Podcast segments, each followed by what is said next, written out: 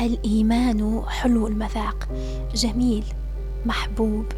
الإيمان نفسه. بل إنه يمنح الإنسان حياة مختلفة. إن النبي صلى الله عليه وسلم يعيش مع الله تعالى. وجوده مع الله.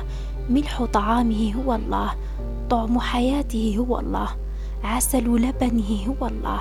بل لا مجال لأن يتلذذ روحه بشيء آخر.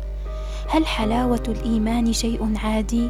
شيء تافه نقوله بجانب الحلاوات الأخرى. ستحلفك بالله أن تنظر.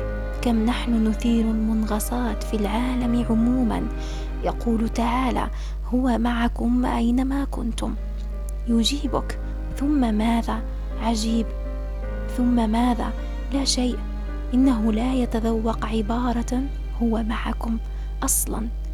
إنه معك أينما كنت ليكن. وماذا أصنع؟ إنه أقرب إليكم من حبل الوريد. يرد ثم ماذا؟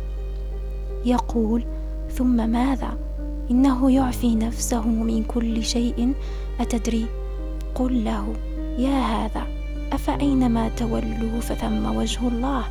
أينما تنظر ترى الله؟ أترى كم هو محيط بك؟ ومع ذلك يشعر الإنسان بالوحدة. معنى هذا أنه لم يذق حلاوة الإيمان. علينا أن نذوق حلاوته. الله أنا الآن في مكاني. لقد حضنني. أنا على ما يرام. حين كنت طفلا كنت ألذ بأبي في البرد. وبمجرد أن أختبئ تحت عباءته أحس بجميع مشاكل العالم قد انحلت لي. لأنه حضنني. وكان من المفترض إن كبرت ان يحل الله نفسه محل عباءة أبي وهذا لم يحصل. فظننت أن الإنسان بطبيعته يعيش هكذا وحيدا. كلا الإنسان بطبيعته لا يعيش وحيدا. نعم لا أريد قول الخراف إنها تعيش وحيدة أما البشر فلا. بل لم يخلق الإنسان أصلا ليعيش وحيدا.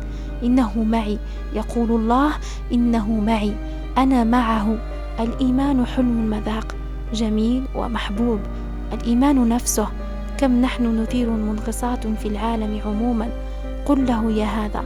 أينما تنظر ترى الله. أترى كم هو محيط بك. ومع ذلك يشعر الإنسان بالوحدة. معنى هذا أنه لم يذق حلاوة الإيمان.